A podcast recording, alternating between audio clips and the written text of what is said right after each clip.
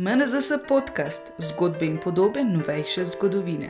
Dobrodošli v podkastu Muzeja novejše zgodovine Slovenije, v katerem odkrivamo drobce 20. stoletja. Moje ime je Korin, vi pa poslušate deveto epizodo mesečnega podcasta, v kateri raziskujemo dokumentarno razstavo sinagoge Maribor z naslovom Tu se je smrt utrudila do smrti, slovenske žrtve Avšvica. Razstava pripoveduje o koncentracijskem taborišču, v katerem od maja 1940 do januarja 1945 je bilo ubitih okoli 1,1 milijona ljudi, od tega 960 tisoč judov. V Avšvic so pa odpeljali tudi 2300 oseb iz Slovenije, domov se jih je pa vrnilo okoli tisoč. Za večino preostalih pa je bilo koncentracijsko taborišče kraj smrti. Zato Auschwitz danes velja za največje pokopališče slovenskih žrtev druge svetovne vojne. Z direktorjem Judovskega kulturnega centra Sinagoga Maribor, Borisom Hajdinjakom, se pogovarjamo o razstavi in seveda štartamo prav na začetku, tam, kjer se je zgodba začela. Ja, začne se z moj, bom rekel, čisto osebno zgodbo. Namreč, jaz sem se spomnil Auschwitza sreča mnogo let nazaj, uh, še v osnovni šoli, uh, ko sem prebral članek reviji Radar. To je bila nekoč zelo kvalitetna revija. In uh, takrat naprej ta sicer zadeva meni nekaj bila spominjala, nikoli pa si nisem ukvarjal s tem na ta način, ampak seveda, skozi leta je prišlo do tega. Ampak tisto, kar me je takrat prvič presunilo, ne, je ta neizrekljiva groza, ne, ki se s tem krajem povezana. To seveda niso prijetne stvari in načeloma se ljudje ne bi s tem ukvarjali preveč. No, na koncu se je seveda izkazalo, da je pač meni življenjska pot privedla tega, da se zdaj na koncu profesionalno s tem ukvarjam. In uh, moram povedati, da tisto, kar je bil prvi, ta feeling, ne, groza, strahota, ima en podton. Namreč tam je bilo zelo veliko ljudi umrlo, ampak veliko jih je tudi preživelo. In ti, ki so preživeli, ne, so preživeli predvsem zato, ker so neizmerno verjeli v življenje. In uh, Avšvic torej ni kraj samo, kjer je največja možna koncentracija smrti na zemljski oblik, kadarkoli, kjerkoli bila, ampak je po mojem mnenju ne, točka, na kateri je ta volja do življenja, do preživetja. Ne, najbolj zredita bila do zdaj kjerkoli. No in uh, ker to potem gre skupaj, ne? pa zato tudi, ker ko je človek starejši, malo začne drugače gledati na življenje, ne? se mi to zdi en taki izjemni izziv, ne? čisto ne samo strokovnega, zgodovinskega vidika, ampak človeškega vidika. Z strokovnega vidika pa je seveda zadeva pač takšna, da druga svetovna vojna kot takšna ima seveda pri nas v slovenskem prostoru mogoče nekatera področja ne dovolj pokrita. Ne, ne, ne, teh je že kaj je z vsemi temi žrtvami in dogodki, ki niso bili strogo vezani na oborožene spopade. Uh, deloma je to, seveda, ne namenoma, ne, bilo narejeno še v prejšnjem sistemu, uh, žal pa se to v zadnjih 30 letih, seveda, tudi nekaj dosti popravilo. Več, mi imamo vsa desetletja Zvezo Združenih borcev, ki skrbi za ohranjanje spomina uh, partizanske strani, ne, ampak že Zveza Združenih borcev ne, govori o tem, da seveda, so tu v prvi vrsti ljudje, ki so se zagotovo izjemno pogumno, ne, aktivno nasprotovali okupatorju, žal tudi domačim izdajalcem, ampak eh, kje so pa vsi ostali?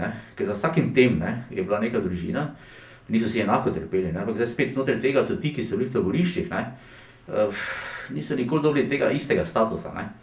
Ne, zdaj ne moramo reči, da bomo reči za družben borca, interniranca, karkoli, ampak posledično se to malo pozna. Ne? In um, dejstvo je, da so z strokovnega vidika ne, so se s temi zadevami ukvarjali vsa ta desetletja, ne, dokaj so bili še v večjem številu živi, ne, predvsem preživeli. Teda vse te glavne publikacije, ki so nastale tako v Avšvicu kot v ostalih taboriščih z nekimi manjšimi izjemami, so jih napisali preživeli. Uh, z izjemno energijo, z izjemno voljo. Ne. Če gledate te zbornike, ne, to je v bistvu čuti današnjega vidika strokovno, bomo rekli, še vedno dobro. Ne. Ampak tehnično se en detalj manjka. Ne? Namreč preživeli govorijo svoje zgodbe, uh, mrtvi pa ne morejo govoriti svoje zgodbe. In zato v teh zbornikih vedno ta moment manjka. Ne? Uh, izjemno delo so torej ti ljudje naredili, ne? ker če ne bi tega naredili, ne? še tega ne bi imeli. Ne? Ampak tu se potem čisto tehnično zapovejo problem, kaj pa za vsi ostali, ne? ki so umrli tam, ki ne morejo govoriti. Ne? No in to se skupaj je pripeljalo potem do tega, da, uh, ne, da bi zdaj se javil za to, ne? ampak ker se mi zdi, da se tudi pravzaprav nišče drug, kaj dosti s tem ni ukvarjal, ne? razen v določeni meri v okviru projekta zbiranja podatkov o žrtvah druge strani vojne splošno, ne? ki pa ni nikoli bil dokončan in kot kaže, še dolgo ne bo. Ne? Da je to neka naloga, ki jo pač nekdo bi moral preko sled narediti. Ne? Zdaj, seveda, jaz sem direktor sinagoge Maribor, ki je sicer najmanjša javna kulturna ustanova v Sloveniji. Uh, teda si lahko že predstavljate, da naše moči so pravzaprav ne ravno velike, ne? ampak vseeno je bil to neki izziv. In, uh, seveda, čeprav se mi primarno ukvarjamo z ljudmi, ki so bili zagotovo v splošnosti v Avšvicu največje žrtve, v slovenskem kontekstu pa ne, ne? v slovenskem kontekstu so največje žrtve Avšvica Slovenci. Ne? Ko sem začel te eh, gradivo gledati, ne? pa potem dokumente, ne? jaz nisem da mogel ločiti, ne? to so pa zdaj slovenski ljudje, to me zanima, ne? tu so pa zdaj slovenci, to pa me ne zanima. Ne? No in potem je iz tega nastala pač, ne? tudi sam naslov uh, razstave ni slučajno izbran, slovenske žrtve. Avšvica. Torej niso slovenski ljudje, samo niso samo slovenski Romi, ki so tudi bili, niso samo slovenci, ne, ampak vsi so naše žrtve. Tretja zadeva, pa če mi je dovoljeno, vseeno bi še dodal, mi slovenci imamo doskrat probleme z to našo majhnostjo, ne, pač vedno več majhnosti v glavah. Ne. In uh, ko govorimo o zgodovini, ne, češ, nas je pa nič ni zgodilo, pa vse so tako vse drugi naredili na mesto nas. Ne. Zdaj, Avšvic ni taka zgodba, recimo, da bi se ravno človek hvalil s tem, ne, ampak dejstvo je, da In pravzaprav ne morete najti nekega evropskega države, naroda, ki je bil drugo stanovanje vključen, ki ni imel nekoga tam. Ne.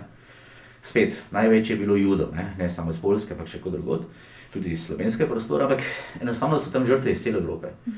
In uh, kakorkoli je to žalostna zgodba, ne, tragična, ne, obenem sicer se reče, da tudi izjemno pozitivna za vse tiste, ki so preživeli, ne, se mi nekako zdi ne dovolj dobro, če Slovenija ni tu nekako koliko toliko enakovredno zraven. In to je seveda zgodba z tem nekdanjim jugoslovanskim muzejem. Uh, namreč ravno zaradi te precej znane zgodbe, ne, da torej so vsi tukaj imeli svoje žrtve, je potem v 60-ih, 70-ih letih nastalo znotraj tega okvirnega muzeja Avšvica, ki ga vodijo Poljaki, ne, uh, potem še za vse te glavne države, ki so imele žrtve, ne, njihovi posebni muzeji in seveda logično tudi Jugoslavija. Ki ni imela tako majhno število žrtev, ne, uh, je imela to zadevo, potem je Jugoslavija razpadla, nič ni to skrbel, klasična jugoslovanska zgodba, ne? nišče za ene skrbi, ne? Pogajanja potekajo vem, že pri slovičnih uh, koliko 10-15 let, ne? pa se nič ne premakne.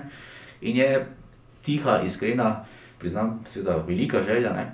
da bi morda ta razstava naše slovensko ne? uh, delovanje na tem področju um, pospešila. Uh mhm. -huh. Bi eh, lahko povedali, odkot so prihajali uh, slovenski interniranci? Uh, glede na ta ravno problem, ne, da so pisali torej vso strokovno literaturo, ki je predtem ostala zbirna, da bi bile spomine preživeli, ne, je tehnično že spet problem, ne, da recimo konkretno, ne, ko smo ravno o Judi govorili, ne, uh, naprimer vi imate v tem zborniku ne, 70 pričevanj, pa eno samo judovsko, ne, pa ni bilo ena sedemdesetina žrtev judov. Ne.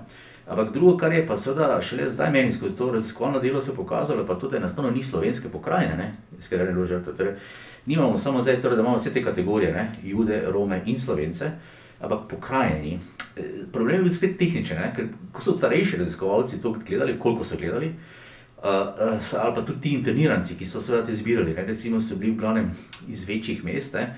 so spregledali eno zadevo, da ni nujno, ne? da je šel transport, ne vem, kot je bilo recimo zelo značilno, bi so 42 let iz celja, kot je bil največji transport, 500 ljudi, recimo, ne? to so številke, da jasno ne boš opaziti, recimo. Ne?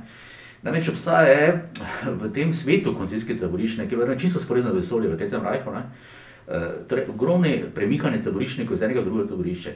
No in recimo, zadnja recimo, zgodba, ki je recimo, na tej razstavi, je zgodba enega uh, uh, iz slovenske Štajerske, relativno pozno je bil poslan v taborišče, ne, v Dahovo in potem je bilo to, pač, ker je bil Dahovo, tam izginil. Pa se je izkazalo, da sploh ni bil Dahovo izginil, ker je bil z Dahova poslan naprej, septembra 1944 v Mauthausen in šele decembra, ne, torej manj kot mesec dni pred zaprtjem taborišča, pa iz Mauthausen v Avšnici tam šele za njim izginil sled. In sorodniki tega nikoli niso vedeli, niso raziskovali, nišče se s tem ni ukvarjal in v praksi se izkaže, da recimo on sploh ni na spisku, recimo, ne, pa na koncu sploh ni umrl Dahov, ampak je umrl očitno v Avšnici ali kje drugje. Ne.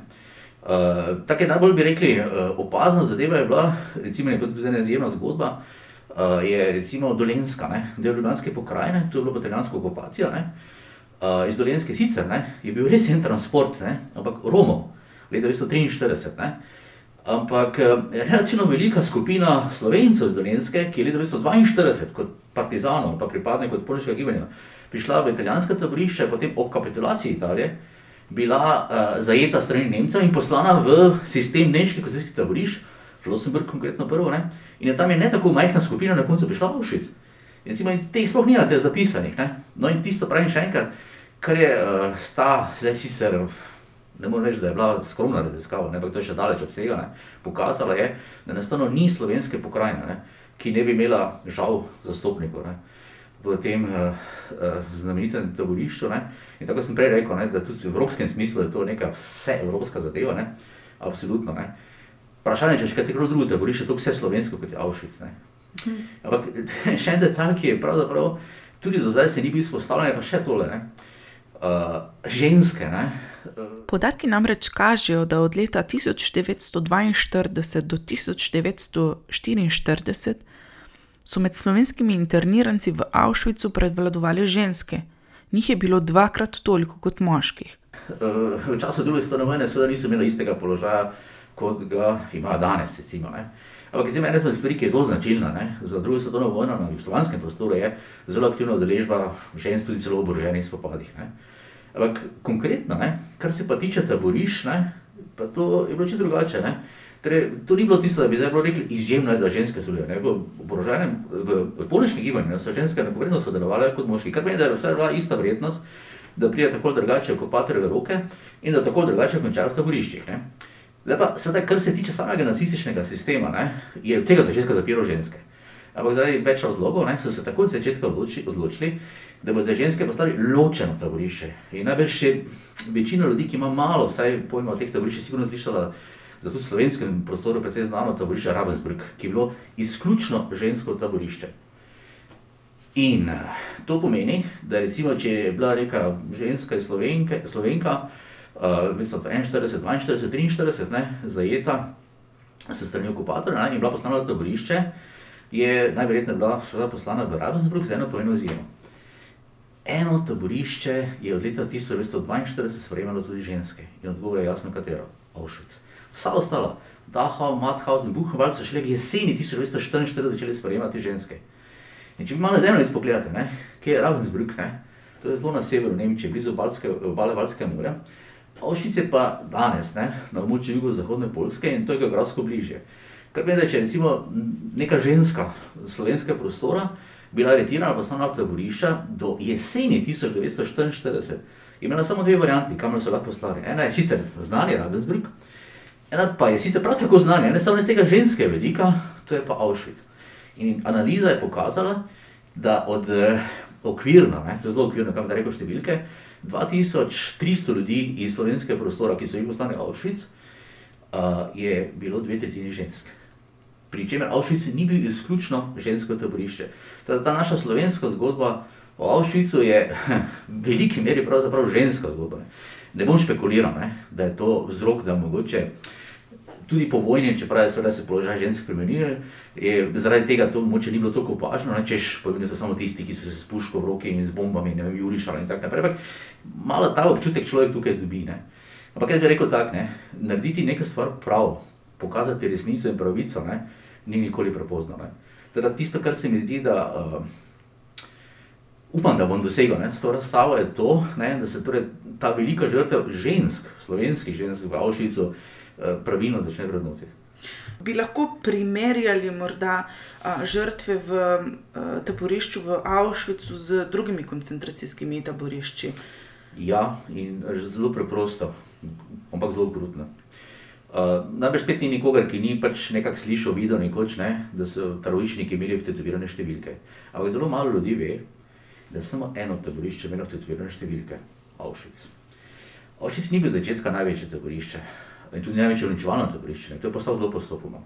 Ampak leta 1942 ne, je bila stopnja umrljivosti brez plinskih celic v Avšvicu, ki je postal že takrat zelo ogromno taborišče, tako velika, da so nacisti imeli probleme um, z kontrolo trupl. Namreč, ne smete pozabiti, da vseh taboriščih, od prvega, Dahova, ustanovljenega dva meseca po prevzemu oblasti, pa do zadnjega, ki so ga pač ustanovili v zelo neki pozni fazi vojne, je vedno bil zraven krematorij. Krematorij je bil, morate računati spet let 1933, ko je bil Dahova ustanovljen, ni bilo nekaj, kar je bilo tako danes. Danes je recimo v Sloveniji 80-90% pogrebov eh, krematorijskih. Takrat je pa to večini ljudem ne samo kot novost, ampak kot nekaj, kar je bilo nespremljivo z njihovim načinom razmišljanja grozno. In ko so to nacisti uvedli, ki so se taborišča, se postavlja vprašanje, zakaj so to pravzaprav naredili, ne? če je bilo to tako neobičajno. Ne? Um, odgovor je seveda zelo veliki tehnično prozaičen. Vsega začetka so računali s visoko smrtnostjo uh, taborišnikov, ki seveda ni bilo plinski celiče, tako je in podobno. Ampak tisti napis, ki ste ga spet vsi slišali, frei, ne? ki je najprej stal na vratih Dachau, potem pa vseh ostalih konjskih taborišč, razen Buchenwalda, kjer je si zapisalo jeden dizajn, vsakemu svoje, ne? moče celo bolj cinično, je pomenilo seveda to, da se boš osvobodil v tem taborišču skozi delo do smrti. In uh, ljudje, ki so jih tja poslali, ne, seveda v teh zgodnih fazah so jih nekateri, potem ko so jih prezgojili, so jih izpuščali in tako naprej, ne vse, ampak veliko jih je umrlo. Ne. Potem je seveda bil problem, ne, če je tudi dnevno 10-50 trupl, ne, higijenske razmere in podobno. In potem je seveda upelitev z higijenskega vidika, tehničnega vidika, verjetno se je zdelo najbolj smiselno. Ampak mislim, da je šlo še za nekaj globega. In sicer je šlo za to, da se pač seveda s tem želelo, da za temi ljudmi ne ostane nič. In uh, v praksi, ne je to pomenilo, da seveda, če ti človeka ubiješ, ne, pa vseeno je neka točka, na katero si spomniš, bodo pač sorodniki nekaj odnos do tega imeli. Tu pa ni točke, nimaš na kaj fiksirati, ker ni ničesa. No in zdaj, v Avšvicu je bila umrljivost jednikov, ne, torej pravim, brez plinskih celic, tisti, ki niso dobili nobenih številk, ne tako velika, da to, kar je bilo sicer značilno vsa taborišča, vseh taboriščih, so bili taboriščniki številke. Ampak te številke so imeli običajno uh, torej zašite ali pa recimo uh, nekako vtisnjene na obleko. Ampak ko je človek umrl v taborišču, so ga slekli. Kar pomeni, da se če ima za na obleki številko, je seveda potem ta, bi rekli, kontrolno sredstvo izginilo. Ne? In seveda pri tako velikem številu trupel, kot so imeli Avšvico že leta 42, je nastal problem, kje je zdaj točno truplo, da se ne bo kaj zgubilo in tako naprej. In to sem začeli fotogravirati, kar pomeni, da torej tudi potem, ko so ga slekli kot mrtvega, je še vedno bil številka, vedno se je, koga so upili ker so imeli tako veliko število trupel. No, in uh, ni boljšega argumenta, ne? da te, seveda, še vedno relativno zgodni fazi, so 42 let, vidite, kaj je bil Auschwitz. To se tudi jasno kaže pri slovenskih taborišnikih, ki niso bili tja poslani na isti način kot ljudje, kar je moče tudi zaradi hollywoodskih in podobnih zadev najbolj znano. Ne? Pri njih ni bila upravljena selekcija. Zaradi tega, ker so v taborišče, recimo, ko so bili največji transporti iz slovenske štajerske, pošiljali ljudi med 18 letom in, 50, in 58 letom. Ne. Starejši so poslali neka druga taborišča, mlajši so pa tako radili otroci pa druga taborišča. Kar pomeni, da so vsi, ki so takrat prihajali, ne, so bili vsaj načeloma za delo sposobni, ker Avšvic je bil osnovni delovno taborišče in šele postopoma postopno čovno taborišče. Judovski transporti so bili pa sestavljeni iz vseh starostnih skupin. In seveda za šestletnim otrokom, za šestnosetletnim starcem se nimate kaj začeti v delovnem smislu, zato so začeli selekcijo, levo, desno, krematorij. Ne? In to posledično je pomenilo, seveda, da so že pri prihodu nekateri ubili, ki sploh niso nikoli zabeležili. Slovenski taboriščniki so isto bili podvrženi selekciji, ampak ne takoj pri prihodu, ampak potem po mesecu dni ne? so tiste, ki so bili nesposobni za delo, odredili in spet potem, ne? ker je to dnevno tam zelo veliko. Ne? Je potem bilo z tehničnega vidika najbolj preprosto da nimajo številk samo všite v obleke, ampak jih imajo vtetovirano kožo. Simbolno pa bi lahko tudi rekli, da je pomenilo, da ko si ti prišel v Avšvic, ne, si samo še bodoče truplo, ne, ki te bo ta številka spremljala pač do krematorija. Koliko materijala, arhivskega materijala in drugega materijala bi bilo še potrebno pregledati, kar se tiče slovencev v Avšvicu? Zelo dosti. Uh, Avšvic je ogromno taborišče bil, ne. Torej, računa se, da je okrog 1,5 milijona ljudi bilo tja prepeljanih, pri čemer jih je seveda večina bila brez neke formalnosti ubita, tisti, ki so bili ubiti, ampak spet, že spet tisti, ki so bili s formalnostmi ubiti, je to ogromne številke. So. Eh, dejstvo je, da so mm, nacisti v Miku velik del arhiva uničili, niso pa nikakor mogli uničiti vsega. Eh, bom samo eno dal uh, podatek, ne, da bo bolj zgovoren, da boste imeli predstavo spet v dimenzijah, ne, Avšvica in tudi slovenske dimenzije, Avšvica. In sicer uh, gre za fotografije taboriščnikov. Uh, Namreč Avšvic je bil, kot kaže, tudi edino taborišče, uh, kjer so od vsega začetka vse taborišnike, ki so prišli, fotografirali. On je klasični sistem, kot ga poznamo iz ameriških filmov, spet z profila in tako naprej, pa tisto vedno številka. In to je tudi mimo grede, po mojem mnenju, najmočnejše gradivo, ki je nastavljeno na razstavi, ker to so res vse konkretne zgodbe, konkretni ljudje s konkretnimi usodami. Torej, uh, po letu 1943 so to nehali, ker je bilo pomankanje finskega uh, fotografskega materiala, ampak še vedno so čisto do decembra in do januarja 1945 so fotografirali neke določene skupine taborišnikov. Torej, z dobrimi uh, sklepanji lahko ugotovimo, da je verjetno bilo od teh 1,5 milijona ljudi, ki so bili prej najmanj 200 tisoč fotografiranih, kar je veliki procent in za ogromno večino teh ljudi je to zadnja fotografija pred smrtjo. Ki pogosto kar sorodniki sploh ne poznajo, ne, ker je to seveda pač, uh, nišče še ni šel konkretno pogledati Slovenije, sigurno ne, ne, ni bilo, da bi to nekdo centralno uredil, ne, samo če si samo individualno šel. Ne. Uh, namreč srečno na ključe je to, da je fotograf, ki je večino teh fotografij naredil, ko je dobil ukaz, da morate uničiti, bil je taborišnik, namreč ne, uh, ni vseh uničil. Tako da okrog 40 tisoč se jih je ohranilo, kar je seveda spet manjši del tistih 200, ampak 40 tisoč. To je ogromna številka in po mojem sklepanju je najmanj 800, če ne 850 teh fotografij, fotografij slovencev.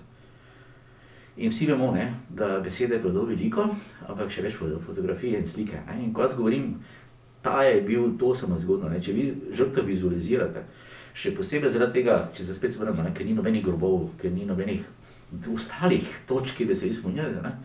naredite nekaj, kar nacisti niso hoteli. Ne za temi ljudmi je vseeno ostal spomin in ta je, ker so ravno te fotografije, ne, toliko bolj vidne. Sedaj se bo nekomu zdelo 800-850, veliko, malo, kakorkoli. Jaz bi bil recimo izjemno vesel, ne, da bi recimo za začetek se uh, sistematično, ne, država Slovenija, ne vem kdo je za to kulturno ministrstvo, šolsko ministrstvo, na koncu vseeno, ne, ampak mislim, ker gre po mojem za precej majhna sredstva, ne, uh, recimo, da bi se to recimo organizirali, bi za s tem začeli, recimo, ne, kje je še vse ostalo, ne. Ampak uh, stvar ni nerešljiva, ne. Uh, namreč vseh teh ostalih paviljonih, ne, jih je pa, mislim, okrog 15, zdaj delujočih, ne, imate vedno na koncu, ne, pač kot neko točko, kjer lahko potem, vi vedno potem pregledate vse žrtve, ki so dotične države bile, ne. Mi v Sloveniji lahko z veliko stopno vrednosti to naredimo, še vedno pa ne čisto natančno, ne. Sem pa zelo prepričan, da ostale ex-jugoslovanske republike ne, nimajo teh spiskov, recimo, ne. Teda, tu vidite potem približno, kje mi smo, oziroma kako delo nas še čaka, ne. Ne zdi se mi pa to nerešljivo, ne? tudi zaradi tega, ker nekoč je bilo res treba iti za vsaki papir dobesedno, ne? danes lahko to v arhiv, ne? danes lahko to vse urediš preko interneta, danes lahko tudi povem, da pri tej razstavi ne? in moram izpostaviti ne? izjemno sodelovanje uh, arhiva samega v Avšvicu, ki je mnogo večji, kot si ljudje mislijo, ne? Uh, ima izjemno veliko gradiva, ne? ne bi bilo tega, če ne bi bilo, mislim, ne samo, da sem tam bil ne? in so mi dali vse na razpolago, kar sem želel, ampak tudi po internetu, ena so res najmanjši problem. Ne? Mislim, ob 8 zjutraj sem napisal, rabo bi to, pa to, ob 9 zjutraj sem dolgo. Teda, uh, vse ostalo so izgovori, uh, da se ne da, da se ne zmore. Mislim, glede na to, zakaj se gre lahko denar v tej državi, pa ne zdaj vem, da je krizna situacija. Ne? Ampak, ko gledaš recimo nazaj, ne? pa zakaj se vse najde denar, ne? se mi zdi to tako majhno. Pa se ni v narodu, vse je vedno problem. Ne? Mislim, problem je več, da so to znanje po volji, denar pa že pride bi mi znali povedati, oziroma primerjati, kaj se je zgodilo z judovsko skupnostjo na slovenskem pred drugo svetovno vojno in kakšno je bilo stanje po drugi svetovni vojni? Ja, judovska skupnost pred drugo svetovno vojno v slovenskem prostoru je bila majhna, zelo majhna. Mislim, vse številke, ki jih potem že če gledate z ostalimi ex-jugoslovanskimi republikami, pa slovenski prostor je to zelo malo. Torej, po nekih uh, zelo realnih uh, ocenah, natančnih spet nimamo čisto. Ne? Čeprav smo zelo blizu, ne, uh, je bilo verjetno okrog 800-850 judov pred Rusom na slovenskem prostoru, pri čemer jih je več kot polovica živela na moču prek Murja, ker sta bili dve organizirane občine, Lendava in Murska sobota. Ti sta bili tudi največji žrtvi potem Avšvica.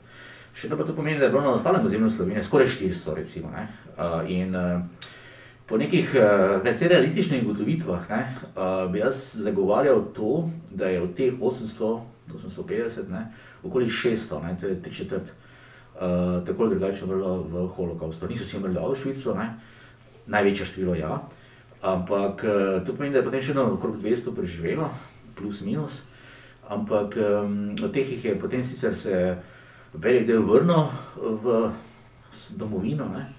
ampak je potem tudi velik del hitro zapustil to domovino. Uh, niso šli samo v Izrael, uh, kar je sicer tako zelo pogosto, kar se razlaga. Ne? Um, recimo, ta mariborski primer, tako ste rekli, dve Mengelevi dvojčici. Um, ena je dejansko bila preizkusni zajček, ne? ena pa ne, ker to bila, zato je Mengele rabo dvojčice. Ne? Torej, ta, ki ni bila, je preživela vojno. Ne? In potem se vrnila v Maribor. Uh, ampak se je potem v bistvu 48. leta odselila uh, na Češko-Slovaško. In smo izjemni privilegij spet, da sem šel leta 2011, ko je bila še živa, uh, imel z njo intervju, recimo. Ne? In, uh, ampak recimo, ne, ona je torej, se preživela, se je vrnila v Maribor, ampak ni živela potem po vojni v Mariboru, ampak je živela na Češko-Slovaškem. Zakaj do tega prišlo, je več vzrokov. Uh, zdaj, recimo, tu pri Češko-Slovaškem ne morete reči, da je bilo, ker je tam bil socializem, pa tu pa ni bil socializem, ker je bil obeh prednjev socializem. Ampak je pač, največ ti ljudje seveda so, mislim, čisto človeško, ne, iskali boljše življenje.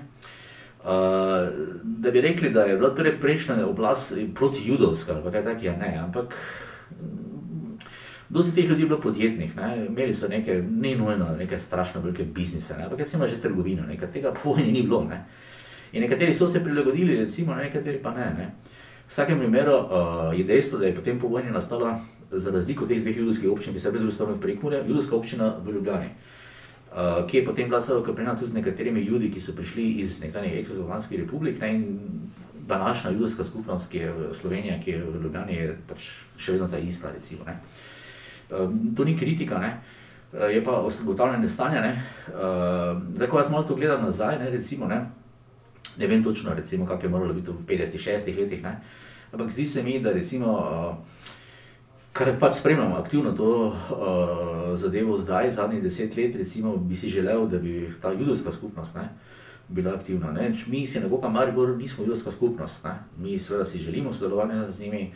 Uh, tudi nismo imeli, glede na veleposlaništvo države Izrael, kot nekateri mislijo, recimo, ne, si želimo sodelovanja, ampak nismo to, ne, mi smo javna kulturna stanova, ki se ukvarja z ljudsko kulturno dediščino. Uh, so pa nekatere funkcije, ki jih mi ne moremo narediti, ne, ne da jih ne bi hoteli, ampak ne moremo. Ne? Mislim, mi ne moremo predstavljati recimo, sogovornika, uh, v, recimo, kar je tudi še vedno neko veliko vprašanje o restituciji premoženja. Recimo, Kar vsi vemo, da ne, ni samo za to judovsko premoženje, še kako drugo, ne? in to se vleče.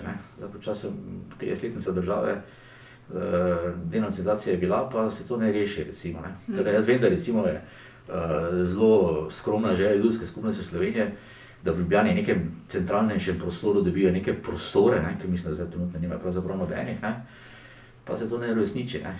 Uh, zdaj, nočem dati primerjav, recimo, z, da bi nekdo rekel, kaj vem, muslimani, recimo, ne.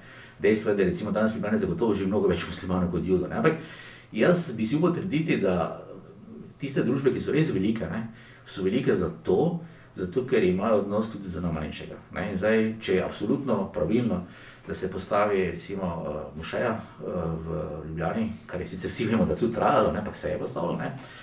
Mislim, da bi bil tudi recimo, če, vem, ljubljanske mestne oblasti, če država tega naredi, recimo, se recimo ta prostorski problem, ki ga ima, koliko jaz vem, ljudska skupnost reši. Recimo, da so potem vidni, uh, nikoli prej, tudi število, karkoli bi rekel, bi špekuliral, ampak uh, najboljše, da sami to povedo. Recimo, ne? Ampak recimo, to ne morem jaz delati. Ne? To, sem pa vesel, ne, če lahko na njihov problem opozorim. Ne.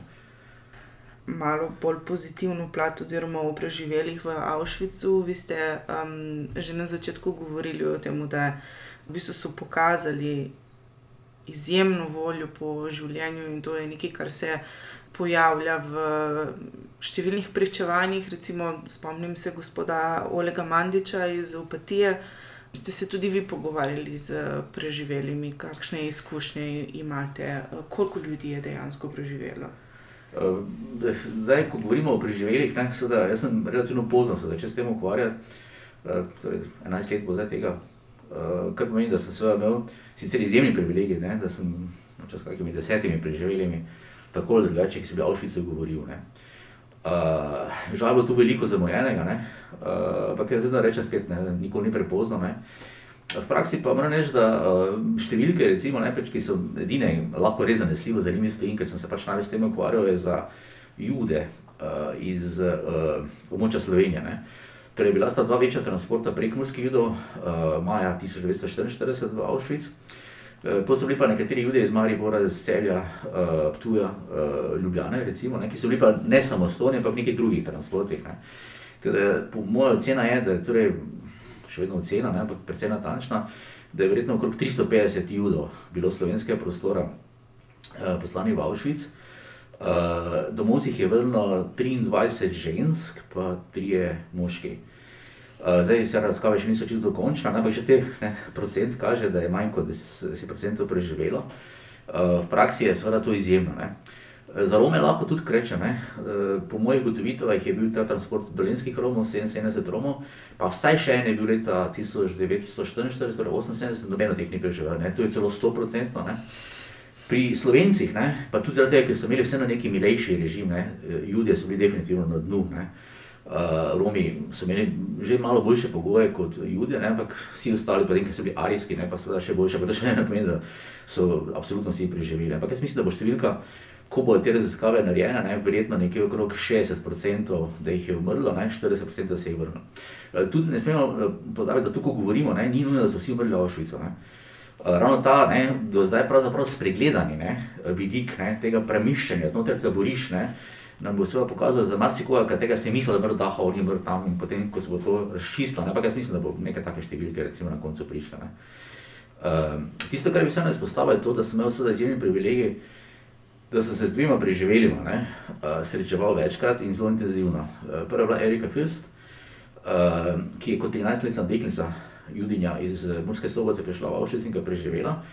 Uh, druga je pa Sonja Brščaj, uh, ki je sicer malo starejša, iz Primorka, prišla v Avšvic in ga tudi preživela. Uh, obe sem srečal, seveda, v precej poznih letih njunega življenja, ne? Uh, pa v svojih ne ravno več rosnih letih, ne? ko človek spet malo drugače na vse skupaj gleda. Ampak jaz bi rekel, da tiste, kar me je absolutno fasciniralo pri obeh ne?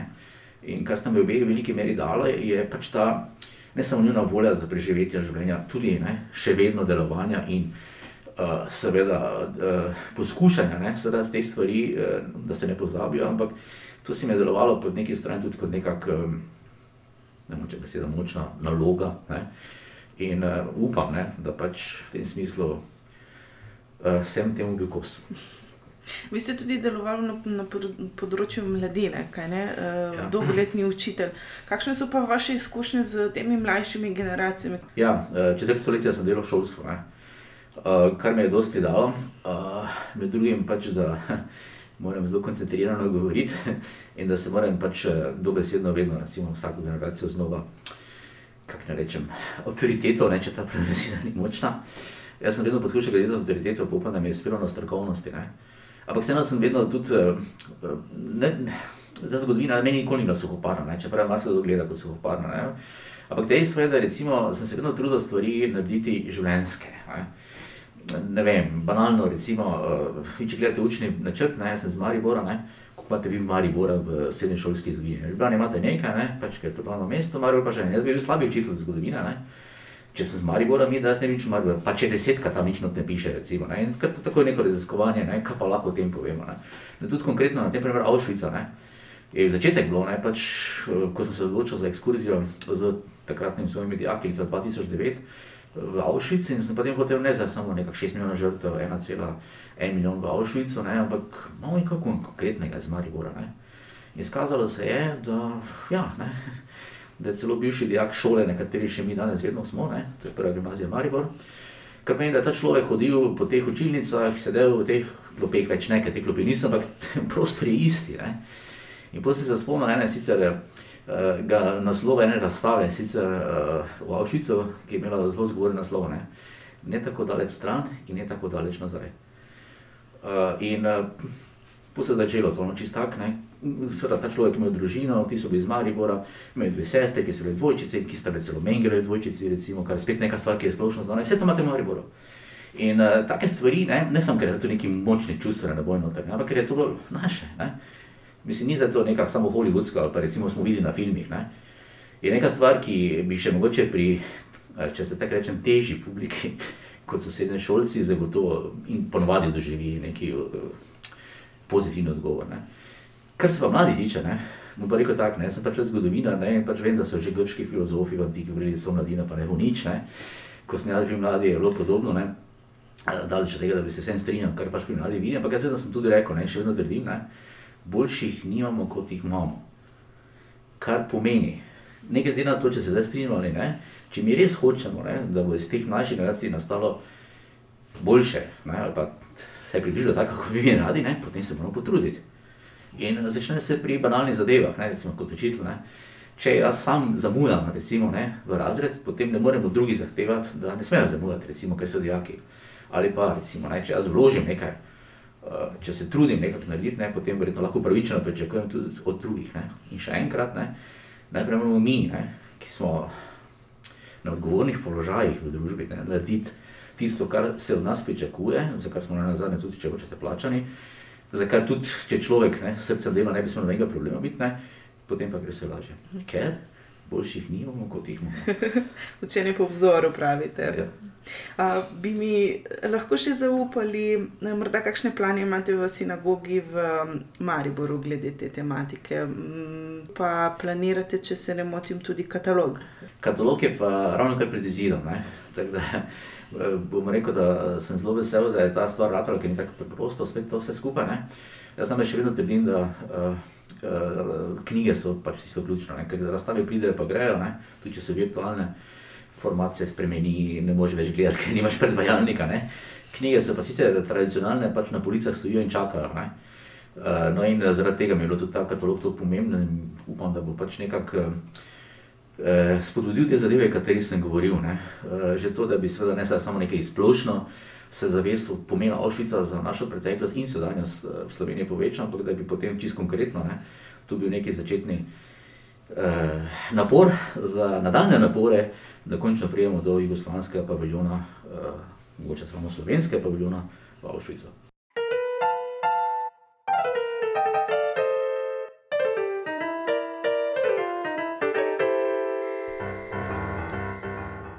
In smo prispeli do konca te epizode. Hvala gospodu Borisu Hajdinjaku, eh, direktorju Mariborske sinagoge in hvala vsem, ki ste bili z nami. Naj vas še spomnim, da je razstava z naslovom Tu se je smrt utrudila do smrti slovenske žrtve Avšvica na ogled v Muzeju novejše zgodovine Slovenije vse do 15. marca.